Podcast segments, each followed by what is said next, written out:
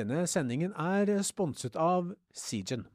Velkommen til eh, denne podkasten der vi skal oppsummere de viktigste nyhetene fra brystkreftkonferansen San Antonio Breast Cancer Symposium, forkortet SABCS, som eh, gikk av stabelen i San Antonio, Texas i USA i desember, rett før jul. Mitt navn er Hans Andersen, og jeg er redaktør i Heltalk. Og jeg sitter sammen med Lars Broch-Nilsen. Du er ny journalist i Heltalk. Velkommen skal du være. Tusen takk. Veldig hyggelig å få være med i min første podkast her i Health Ja, Det blir spennende. Vi skal eh, sammen oppsummere de viktigste legemiddelnyhetene som ble presentert på denne jeg vil si verdens viktigste brystkreftkonferanse, altså rett før jul.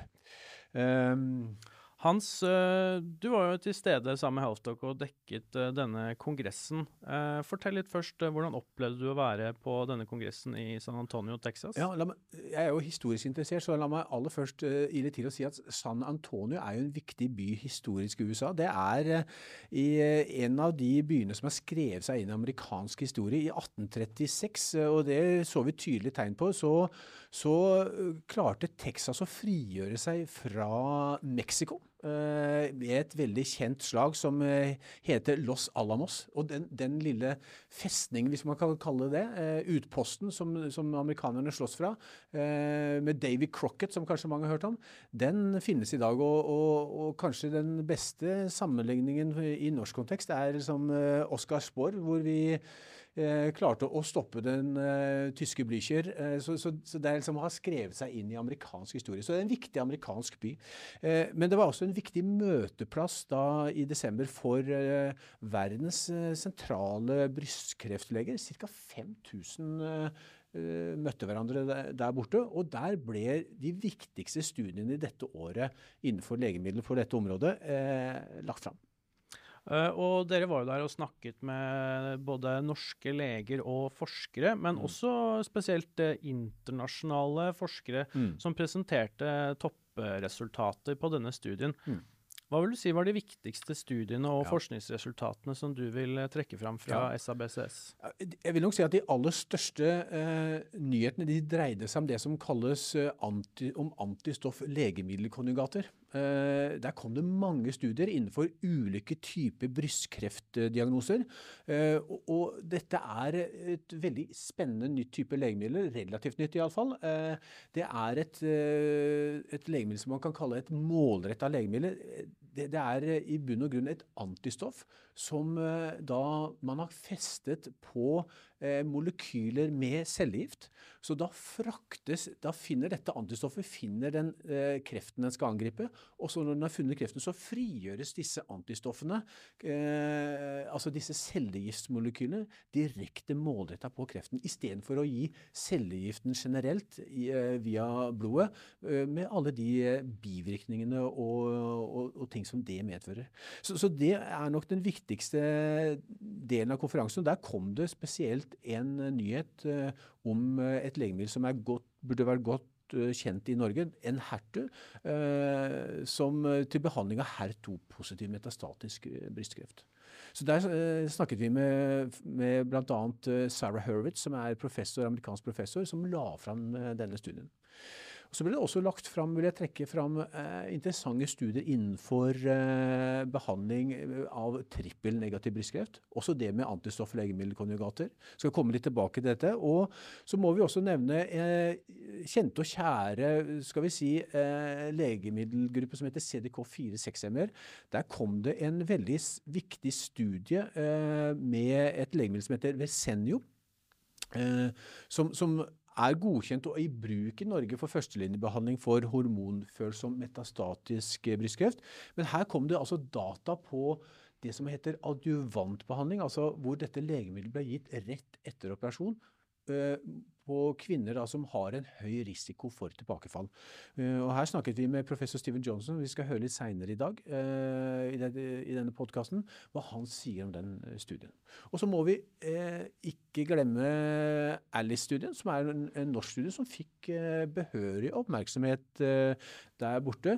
Der Den ble presentert av Andreas Røssevold, som er førsteforfatter, og han var sammen med Jo Amund Kyte, som er da den som er studiens leder, kan vi si. Og de da, bruker da en immunstimulerende cellegift for å aktivere eh, immunterapien. For eh, denne type kreft virker immunterapi ganske dårlig på hvis man gir det som monoterapi. Men hvis, man, hvis, det kommer inn med en cellegift, så kan du si så gjør du kreften varm, og da kommer immunterapien til sin rett. Og det var, eh, det var veldig spennende. Så, så, så, så det var en, en god studie.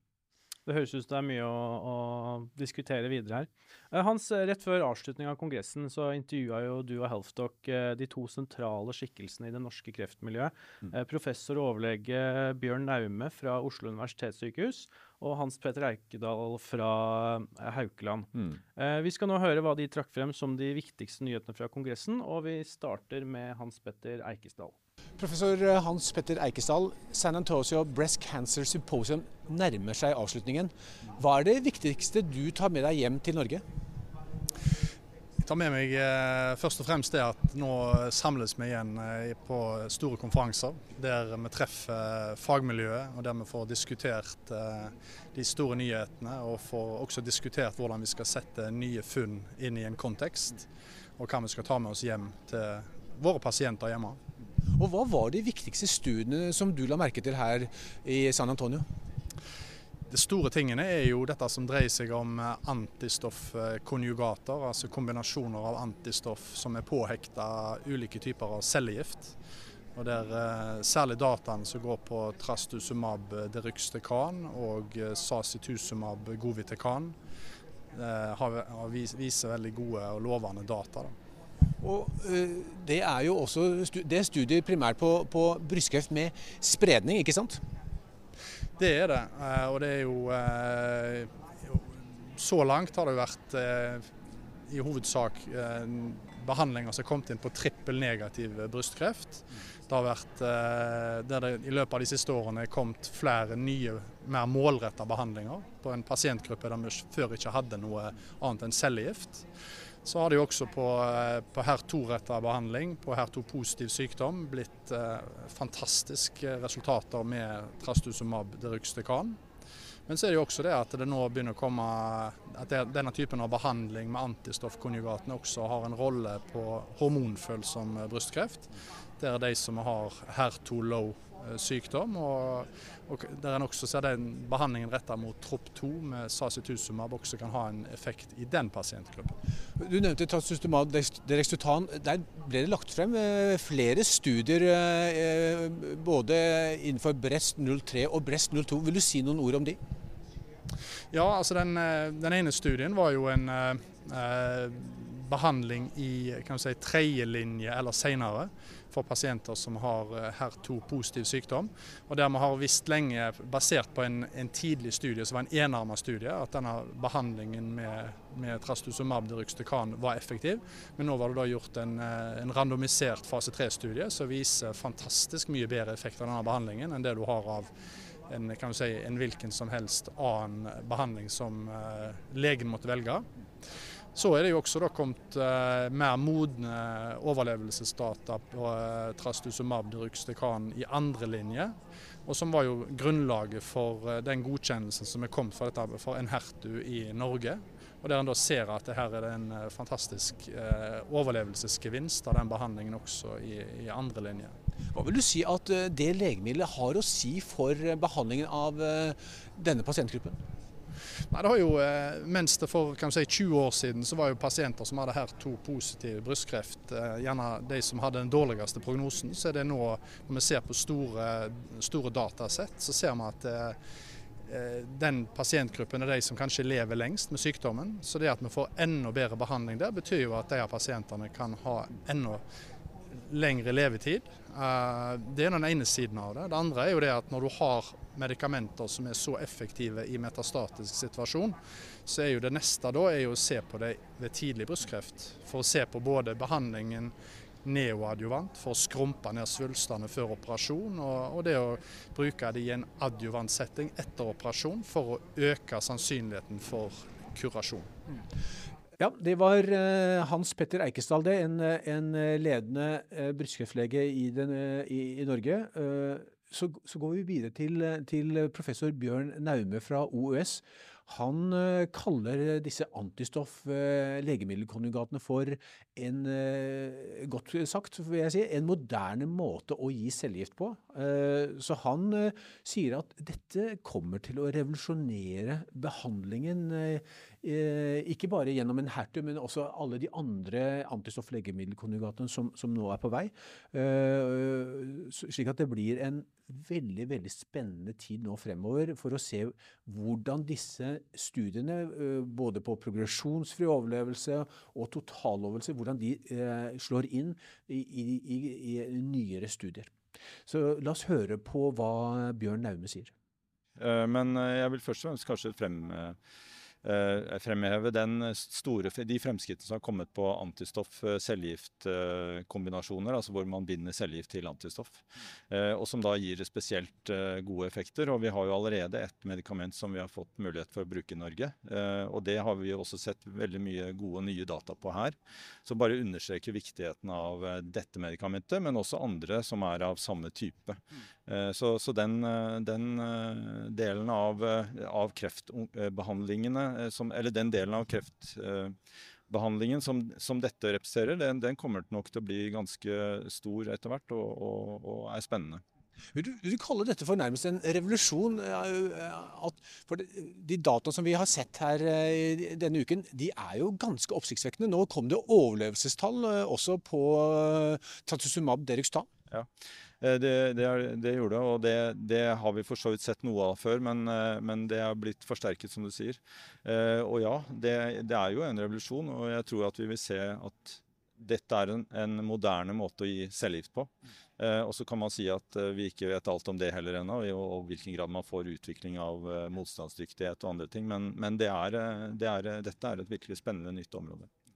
Det er, eh, som du var inne på, mange slike legemidler under utvikling. Hvor er det vi kommer til å se den største eh, helsegevinsten og behandlingsgevinsten, tror du, på, på denne type legemidler? Ja, altså Hvis du tenker eh, brystkreft, så vil det være eh, nok på denne gruppen som heter trippelnegativ. Der er det også nye medikamenter som kommer og, og, og vil være en viktig tilleggseffekt eh, som vi ikke har i dag. Eh, for denne gruppen, som har en mer, hvis de får tilbakefall, har en mer aggressiv sykdom. Eh, men eh, det, det er jo forsterkninger også på hormonfølsomme brystkreft som er, vi venter på. altså Data har jo kommet på det, og som vi også har vært diskutert her borte veldig mye. Da har vi hørt på kommentarene fra Bjørn Naume. Hans, du spurte også Eikesdal om han kunne se litt inn i krystallkula mm. og fortelle litt om hva vi kan vente oss av nye behandlinger med antistoffkonjugater. Eh, La oss se hva han svarte. Hva tror du er veien videre innenfor disse antistoff-legemiddelkonjugatene? Det, som du sier, det har, det har jo tatt kanskje eh, frontsetet her på konferansen? Altså det er jo eh, holdt på å si fantasien setter, Det er bare fantasien som setter grenser for hva du kan hekte på et sånt antistoff. Så jeg tror det vil komme en rekke nye eh, medikamenter som er hengt på de, de antistoffene. Både HER2 og eh, TROP2, og også andre målmolekyler. Og eh, at vi der vil få et mye større spekter av behandlinger som vi kan bruke for ulike pasientgrupper i fremtiden.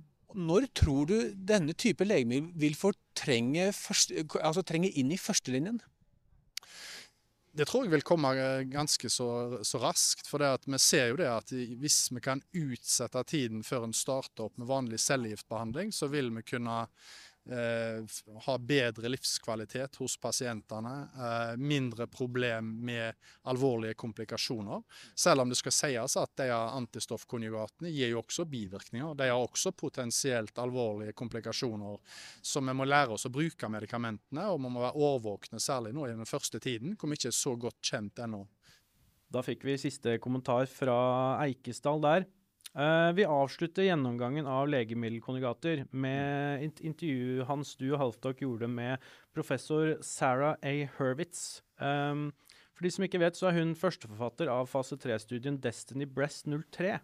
Uh, og hun presenterte jo data for totaloverlevelse, der en hertug ble sammenlignet head to head uh, med et annet legemiddelkonjugat som heter Kadsyla. Fortell mm. litt om det. Ja, Denne Destiny Breast 03-studien altså, den, den, var, vil jeg si, konferansens klare høydepunkt rent nyhetsmessig.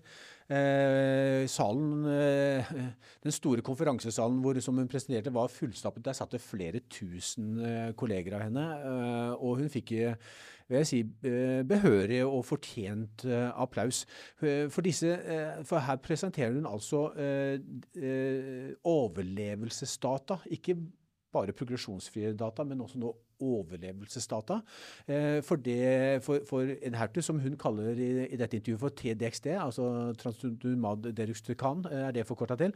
Eh, og, og, hun forteller at eh, risikoen eh, for kvinnene som, som var i behandlingsarmen og som fikk eh, en hertu, de, eh, de, de, fikk en redusert risiko for død med 36% sammenlignet med de som fikk Kadsylla, som, som du helt riktig sier, også er et antistoff-legemiddelkonjugat, men da ikke så effektivt.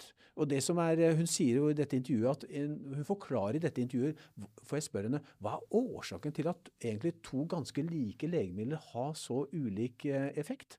Eh, og, og, og, det er det, Hun sier jo bl.a. at eh, har færre eh, molekyler av, eh, av cellegift hektet på seg, mens mens en hertug har åtte versus fire. altså da. Så veldig, veldig spennende. Og jeg kan jo kanskje legge til, for dette jo også, har jo vært en, et politisk sprengstoff i Norge, dette legemiddelet Enhertu. Det ble jo først Beslutningsforum sa jo først nei til dette. Så på tampen av fjoråret, så gjennom et hastevedtak, så innfører de en hertug, slik at det tar plassen nå fra, fra Katsila som andrelinjebehandling i Norge.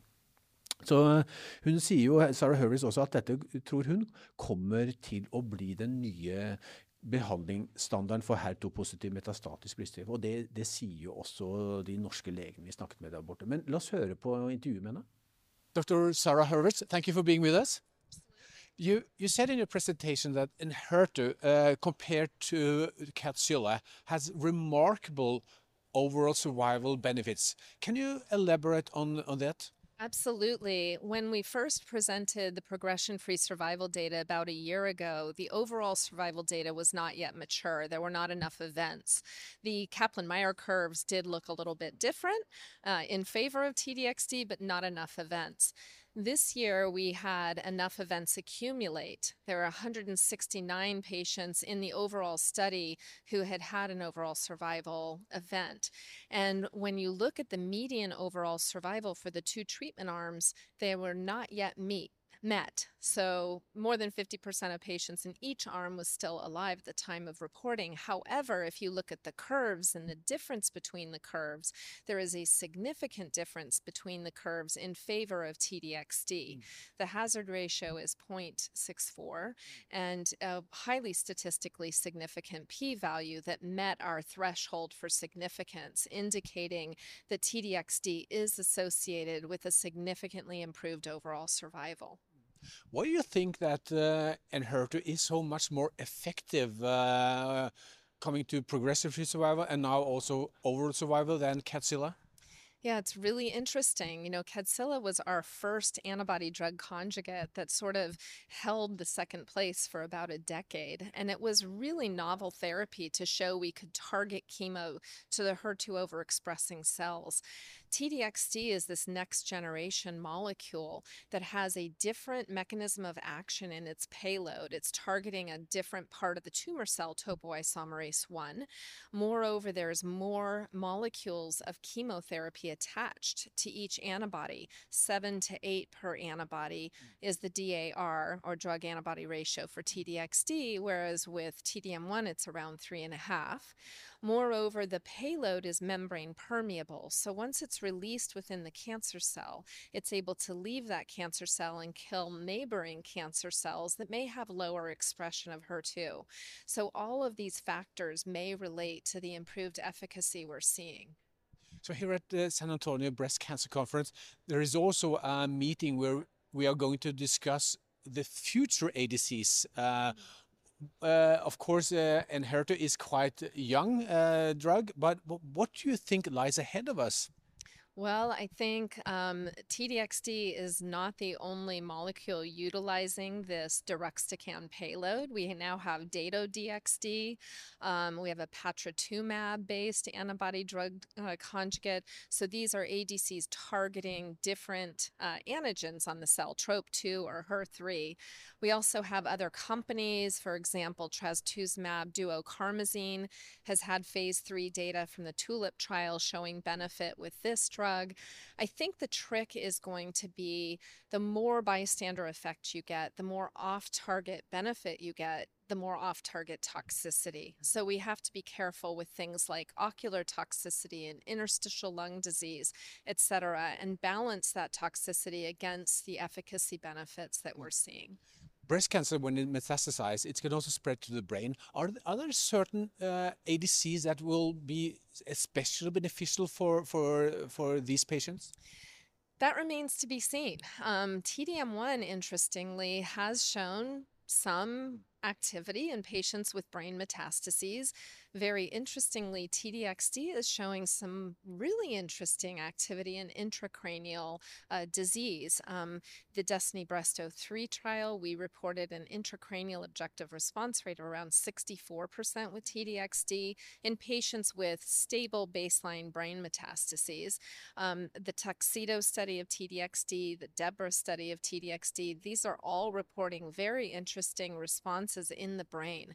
So our assumption that bulky ADCs can't cross the blood brain barrier is really being sort of tossed on its head now. And we're trying to understand how these drugs are passing through the blood brain barrier and actively treating brain mets there, but indeed they are. Very fascinating future. Th sir, uh, Dr. Hurwitz, thank you for being with us. Thank you so much. Da har vi hørt fra Sarah Hurwitz eh, der, altså, Hans. Mm. Eh, under SABCS så ble det også presentert en studie med CDK4-6-hemmeren Versenio i kombinasjon med endokrin behandling gitt adjuvant, dvs. Si da etter operasjon. Mm. eh, som reduserer risikoen for tilbakefall for kvinner med høyrisiko brystkreft. Fortell litt om det, Hans. Ja, det stemmer. Vesenio er, er i kombinasjon med endokrin behandling. Det er jo eh, godkjent i EU, og, det er, eh, og dermed også i Norge, som adjuvant behandling. Så, så den har fått markedsføringstillatelse. Men det gjenstår jo som alle andre sykehuslegemidler og få en godkjenning i Beslutningsforum for å få refusjon, dvs. Si for at den skal finansieres. Eh, så vi regner jo med at eh, Beslutningsforum kommer til å ta denne eh, vedtaket opp kanskje allerede i mars-april, eh, iallfall før sommeren. Så det blir eh, veldig spennende for å se hvordan adjuvant hvordan, hvordan Beslutningsforum vurderer hvordan adjuvant behandling av høyrisiko- og brystkreftpasienter i tidlig fase, hvordan det skal passes inn, eller om det skal passes inn i norsk behandlingsstandard. Så, så det gjør jo denne studien spesielt interessant. Uh, dataene fra Monarchy-studien den viste jo at man ved å legge Versenio til tradisjonell endokrinterapi reduserte risiko for tilbakefall, mm. utvikling av ny kreft eller død med 33 uh, eh, sammenlignet med antihormonbehandling alene. Uh, og du Hans og Healthtalk intervjua jo førsteforfatteren av studien, professor Steven Johnston. Eh, la oss se hva han sier om disse resultatene. Professor Stephen Johnston, uh, you have uh, just presented the four-year efficacy data from uh, the phase three Monarch E study. Uh, can you walk us through the uh, study design and the results of the study? Sure. So this was an adjuvant study looking at the benefit of CDK4/6 inhibitor, and we chose a particularly high-risk population with node-positive, hormone-positive, HER2-negative disease. And these patients had either four or more involved lymph nodes, or if one to three nodes, a large tumor, more than five centimeters, or a grade three disease.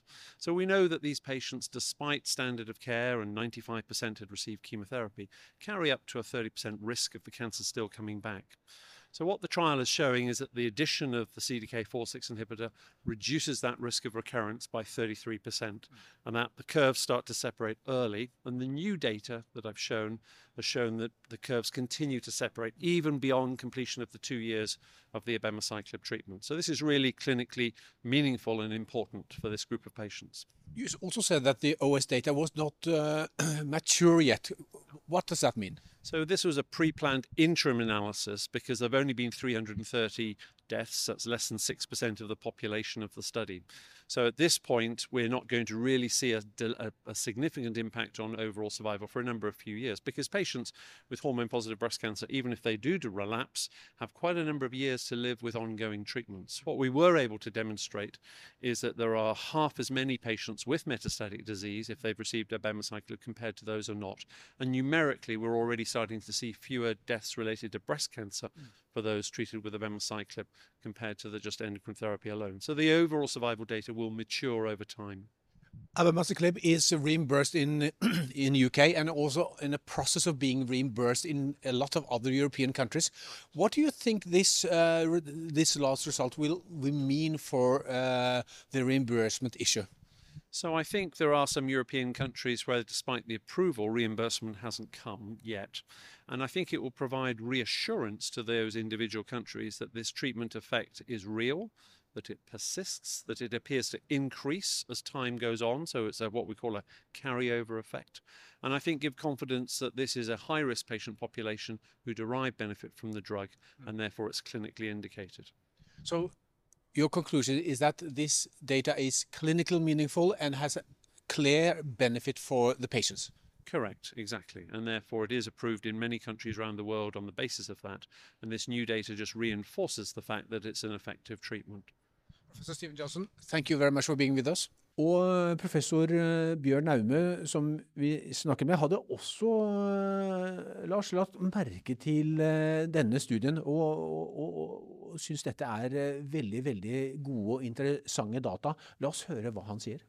Ja, av en sånn direkte for Eh, behandling av brystkreftpasienter i Norge, eh, så er det jo det at vi har sterke data nå på den, eh, det medikamentet som heter abemaciclib, som, som er da et CDK4-6-hemmer som, som, som, kan benyttes i adjuvant, og som nå har forsterket de dataene vi har sett tidligere. slik at vi nå må jo virkelig gå gjennom dette ordentlig i vår nasjonale gruppe. Og det har vi jo tenkt å gjøre etter dette møtet. For vi ventet jo at det skulle komme noe om dette. For dette legemiddelet er jo til vurdering i Beslutningsforum. Det, vil si Legemiddelverket holder på med metodevurdering. Eh, Steven Johnson, som vi snakket med, han mente at eh, disse dataene, disse fireårsdataene nå, de, de bekrefter at, eh, det effekt, at, dette er et effektivt legemiddel over tid. Altså lenge etter at man har avsluttet selve behandlingen. Ja, for det har jo vært andre av disse CDK4-6-hemmerne hvor du ikke har sett den effekten. og da har vi vent, for Vi kunne jo tenke seg at denne effekten var overgående, og dermed også man mistet effekten etter hvert som tiden gikk. Det ser det absolutt ikke ut som, og det er en forsterkning som er opptil eh, ganske mange prosent som eh, forskjell i, i hvordan eh, hyppigheten av tilbakefall. Og det, det, er noe som vi ikke hadde forventet på dette tidspunktet dersom det ikke var en mer varig effekt. Dette er noe dere i eh, Norsk brystkreftgruppe vil ta opp eh, når dere kommer hjem? Ja, det vil vi. Ja, vi jobber jo med dette sånt halvtårlig. Men, eh, men, vi også er jo avhengig av, for å si det sånn, ikke for hva vi beslutter, men hva vi kan få tilgang til. Så er det jo avhengig også av Beslutningsforum og nye metoders arbeid. Og Vi spurte jo også Hans Petter Eikesdal, professor Hans Petter Eikesdal om denne studien. Han er litt mer reservert eh, til å innføre denne behandling i norsk behandlingspraksis. Han, han kaller dette for en for sikkerhet i dette intervjuet, en for sikkerhets skyld-behandling. Eh, for han sier at dette er jo, og det har han jo rett i, dette er jo pasienter som som har fått operasjon, de er eh, erklært friske. Det, de, man finner ikke restsykdom eh, eh, hos disse jentene. Eh, så de har ikke eh, gjenværende sykdom. Eh, og han er veldig opptatt, så, som vi hører i dette intervjuet, av de eh, bivirkningene som, som, eh, behandling med dette legemiddelet, CDK4-6-hemmeren, kan gi, eh, og, og, tro at det kan kanskje bli litt eh, krevende for pasienten å fullføre behandling. Nå må jeg bare ile til også si at studien viste et veldig lite frafall. Jeg tror det var 16 eh, av kvinner som, som, som, trakk seg ut av studien, bl.a. pga. bivirkninger. Men, men eh, la oss nå høre hva, hva Eikesdal sier bruken av CDK4-6-hemmere har etablert seg. Det er, det er den viktigste kan si, førstelinjesbehandlingen for hormonfølsom metastatisk brystkreft. Så er det jo diskusjonen da på hvilken av de ulike CDK4-6-hemmerne som er eh, mest effektive. Er det forskjeller mellom de, eller er de forskjellen i overlevelsesdata mer tilfeldigheter. Derom diskuteres det.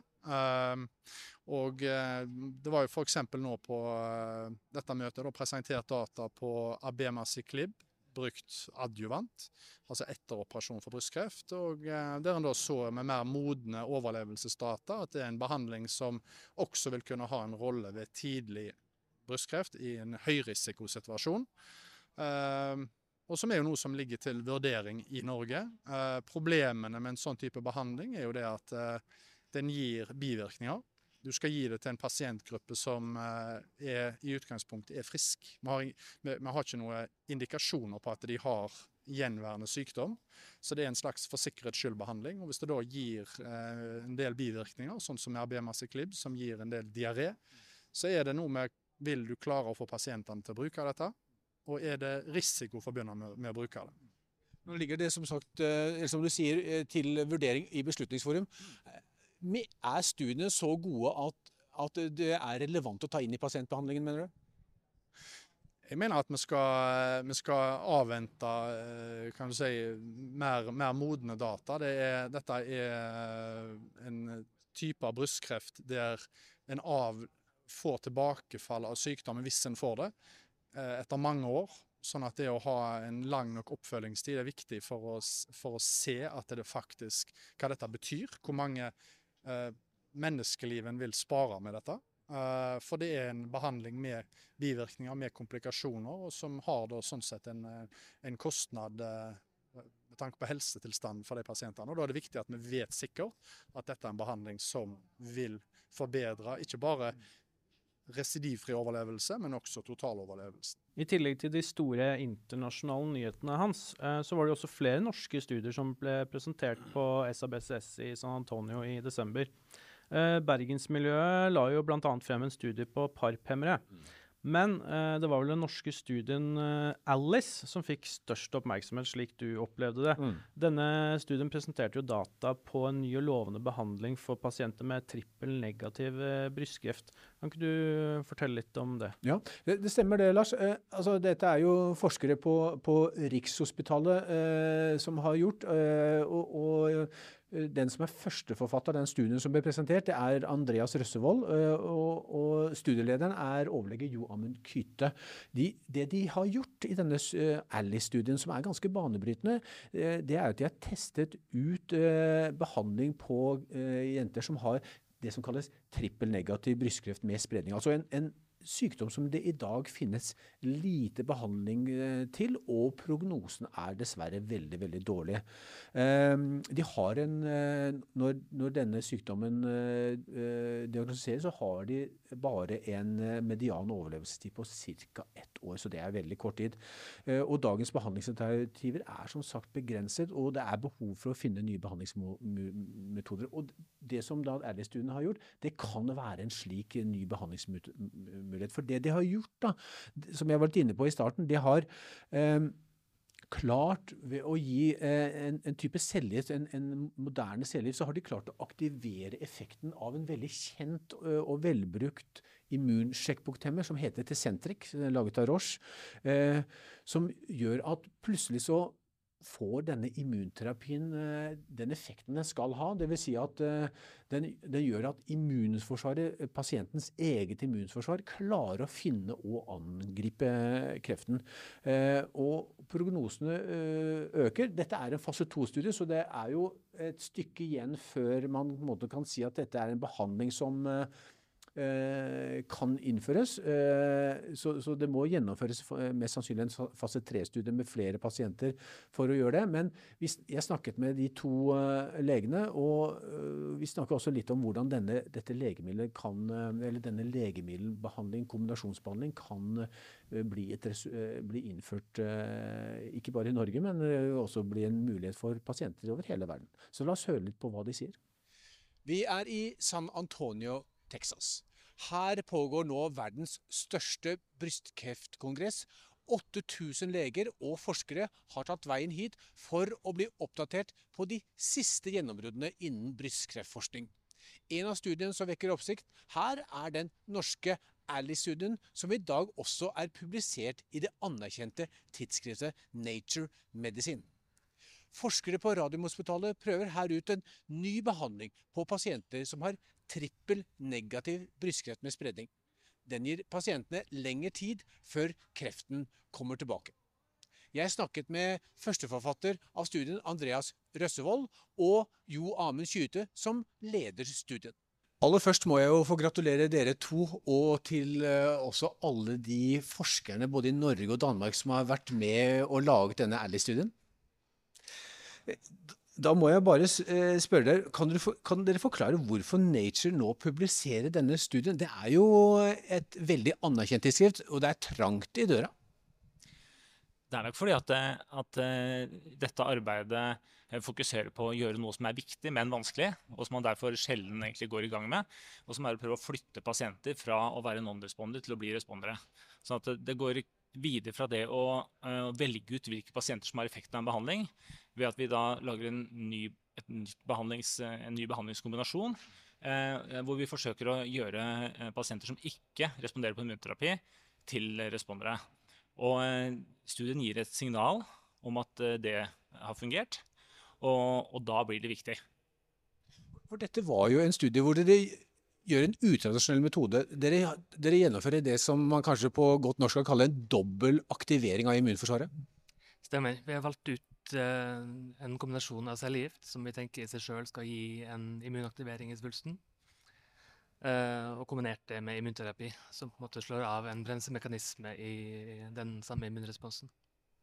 Og Hva ble resultatet i studien? Kan dere si hvor, hvor, hvor mye lengre pasientene lever med denne dobbeltbehandlingen? Det vi brukte som målmetode da, en såkalt Hazard-ratio, som vil si risikoen eh, for å få videre vekst av sykdommen til enhver tid. Og den Hazard-ratioen var da på 0,57, som vil si da at eh, til enhver tid så var det da omkring dobbelt så mange i kontrollgruppen som hadde fått vekst av sykdommen sin, som det var i den gruppen som hadde fått eh, kombinasjonen med immunterapi.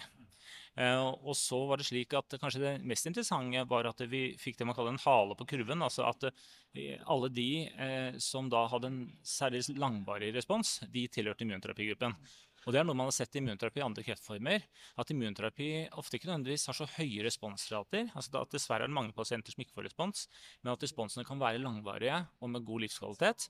Og det var det vi så her egentlig også, både med responsvarigheten og livskvaliteten relativt liten gruppe pasienter som fikk den langvarige responsen. Det var 15 men, men likevel da 0% i kontrollgruppen. Det, er jo gjennomført studier også som er godkjent i Beslutningsforum eh, innenfor trippel negativ bryster, hvor man har brukt immunterapi. Eh, også denne immunterapi dere har brukt, atezolizumab og kjemoterapi. Men dere valgte en eh, litt utradisjonal kjemoterapi, som, som, faktisk da også ga de som har et lavt PDL-uttrykk, eh, også betydelig effekt. Ja, stemmer. Vi ser jo på PDL1 som et uttrykk for at det i utgangspunktet er en immunrespons i en svulst. Uh, mens vi uh, valgte en, en cellegiftkombinasjon som kan indusere, eller vi tenkte kunne indusere en immunrespons også hos de som ikke hadde en fra før. Og resultatene våre tyder vel egentlig på at det fikk vi til. Var dette et lykketreff, eller eh, var dette kalkulert? Nei det, det, var, nei, det var kalkulert. Eh, man vet jo aldri om, om, noe vil fungere før det gjør det et menneske. Eh, men det har vært eh, mye god forskning i dyremodeller eh, på at noen typer cellegift eh, bruker immunsystemet som en usynlig hjelpende hånd og mobiliserer en immunrespons. Det er litt sånn kontraintuitivt, for alle vet at immunsystemet eh, skades av en cellegift. Men det som har vist seg, altså er at noen typer cellegift, bl.a. antrosykliner, som vi bruker her, kan mobilisere en immunrespons. Og det andre det var at vi også hadde en kombinasjon der med noe som heter syklofosfamid, som virker mot regulatoriske T-celler. Så der kom vi egentlig inn på et tredje element i, i, konseptet. Det er altså slik at Vi trykket på to gasspedaler, kan du se, eller én gasspedal, egentlig, antrasyklinene. Og så tok vi bort da eh, også disse regulatoriske T-cellene i tillegg til å blokkere PDL1. Eh, og da kan man jo se det sånn at en svulst som unnslipper noe av dette her, kanskje nettopp bruker de andre mekanismene. Og da er det ofte lurt å blokkere mye samtidig. Så her klarte de altså å gjøre SUL som normalt ikke vil respondere på immunterapi, den gjorde den responsiv. Noen noe av disse, noe av disse cellegiftene som du, cellegiftene bruker, den jo, er jo kjent for å være litt mer toksisk enn annet cellegift, er ikke det riktig? Eh, nei, ikke egentlig. Den, den cellegiften vi, vi, gir her, den tolereres ganske godt i forhold til mange andre alternativer. Eh, men det er klart at alle cellegifter har jo bivirkninger, og disse her har også bivirkninger. Eh, så er det slik at eh, antrasykliner som vi ønsker å bruke, de kan bare brukes i begrenset tid. Egentlig ganske kort tid pga. hjertetoksisitet, hjerteskade. Eh, men da er det slik at denne formen for antrasyklin som vi brukte her, pegulert libosomal doxorubicin, den kan gis lenger, også i forhold til hjertet. Og man kan gi den uten å få bruk for kortison. Og Det er også viktig tenkte vi, når vi skal gi immunterapi, og ikke da samtidig måtte inn med kortisonpreparater. Nå er dette en forskerinitiert studie. Det er dere som tok initiativ til, til dette. Uh, og det er en fase to-studie. Uh, det er jo normalt ikke nok for å søke om noen godkjenninger i, i, EMA. Hva er veien videre nå? Det er jo helt riktig at Denne studien var ikke designet som en såkalt registreringsstudie. Så veien videre vil være nå å se om det er mulig å få til en registreringsstudie, altså en fullskala fase 3-studie, Eh, som er beregnet nettopp på det. Eh, og da vil jo eh, hensikten være å se om man kan få bekreftet at den effekten vi har sett i denne randomiserte, den relativt lille randomiserte studien, som er litt sær, om, om, den kan bekreftes i en stor eh, fase 3-studie. Eh, og I så fall så, så, vil det jo kunne bli en standardbehandling. En fase 3-studie koster veldig mange penger, kanskje opp mot en milliard og over det. Hvordan skal dette finansieres? Nå, vi, vi, vil jo da være i kontakt med legemiddelfirmaene som, som, produserer de aktuelle medikamentene, og har møter med dem også under denne konferansen. Eh, og så eh, det da, finnes det også akademisk nettverk, som vi allerede også er i kontakt med rundt dette. Eh, så får vi se hva som er mulig å få til. Kan jeg spørre, Hva er responsen hos legemiddelfirmaene? For dette, denne kongressen er jo verdens største, som vi har vært inne på. Eh, her er alt som kan krype og gå av eh, legemiddelfirmaer. Det, det, får vi se, for nå har vi ikke hatt de møtene enda, men Om noen dager så vet vi kanskje mer. Men det jeg kan si er at den foreløpige responsen på mail og i forbindelse med å skulle diskutere dette har vært uh, veldig positiv. Så, så, de har oppfattet det som interessant, helt klart. Da ønsker vi lykke til til dere begge to, og gratulerer med resultatet. Både fremleggelsen her og i Nature Medicine. Hans, dette var jo en eh, konferanse der det faktisk var masse norske brystkreftleger til stede. Hvorfor tror du det var slik? Ja, eh, Lars, det var eh, ca. drøye 20 norske forskere og klinikere eh, til stede på denne brystkreftkonferansen. Og det er nok flere grunner til det. En av grunnene er jo at eh, dette var en eh, konferanse som det var stor oppmerksomhet rundt før. Altså Man visste at det skulle komme mange viktige studier.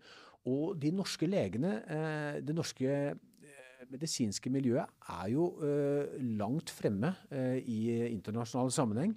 Eh, og det som både Bjørn Naume og Hans Petter Eikesdal og andre leger vi snakker med sier, det er at jo, de får med seg dataen og studiene når de sitter hjemme i Norge og, og, leser om dette i etterkant eller ser det online, men det er noe helt annet å få dette inn direkte i de store salene, som gjør at du også kan snakke med dine internasjonale og nasjonale kolleger, og ikke minst drøfte hvordan kan dette eh, over tid innføres også i Norge, og er dette en relevant eh, behandling for Norge? Så, så, det er liksom det som eh, jeg tror er det viktigste grunnen til at det var et ganske eh, stort miljø av, av uh, norske leger der borte.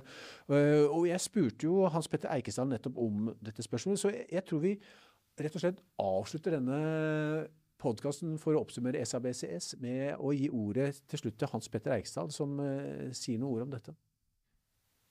Var dette en, en god konferanse sett med, også med norske øyne?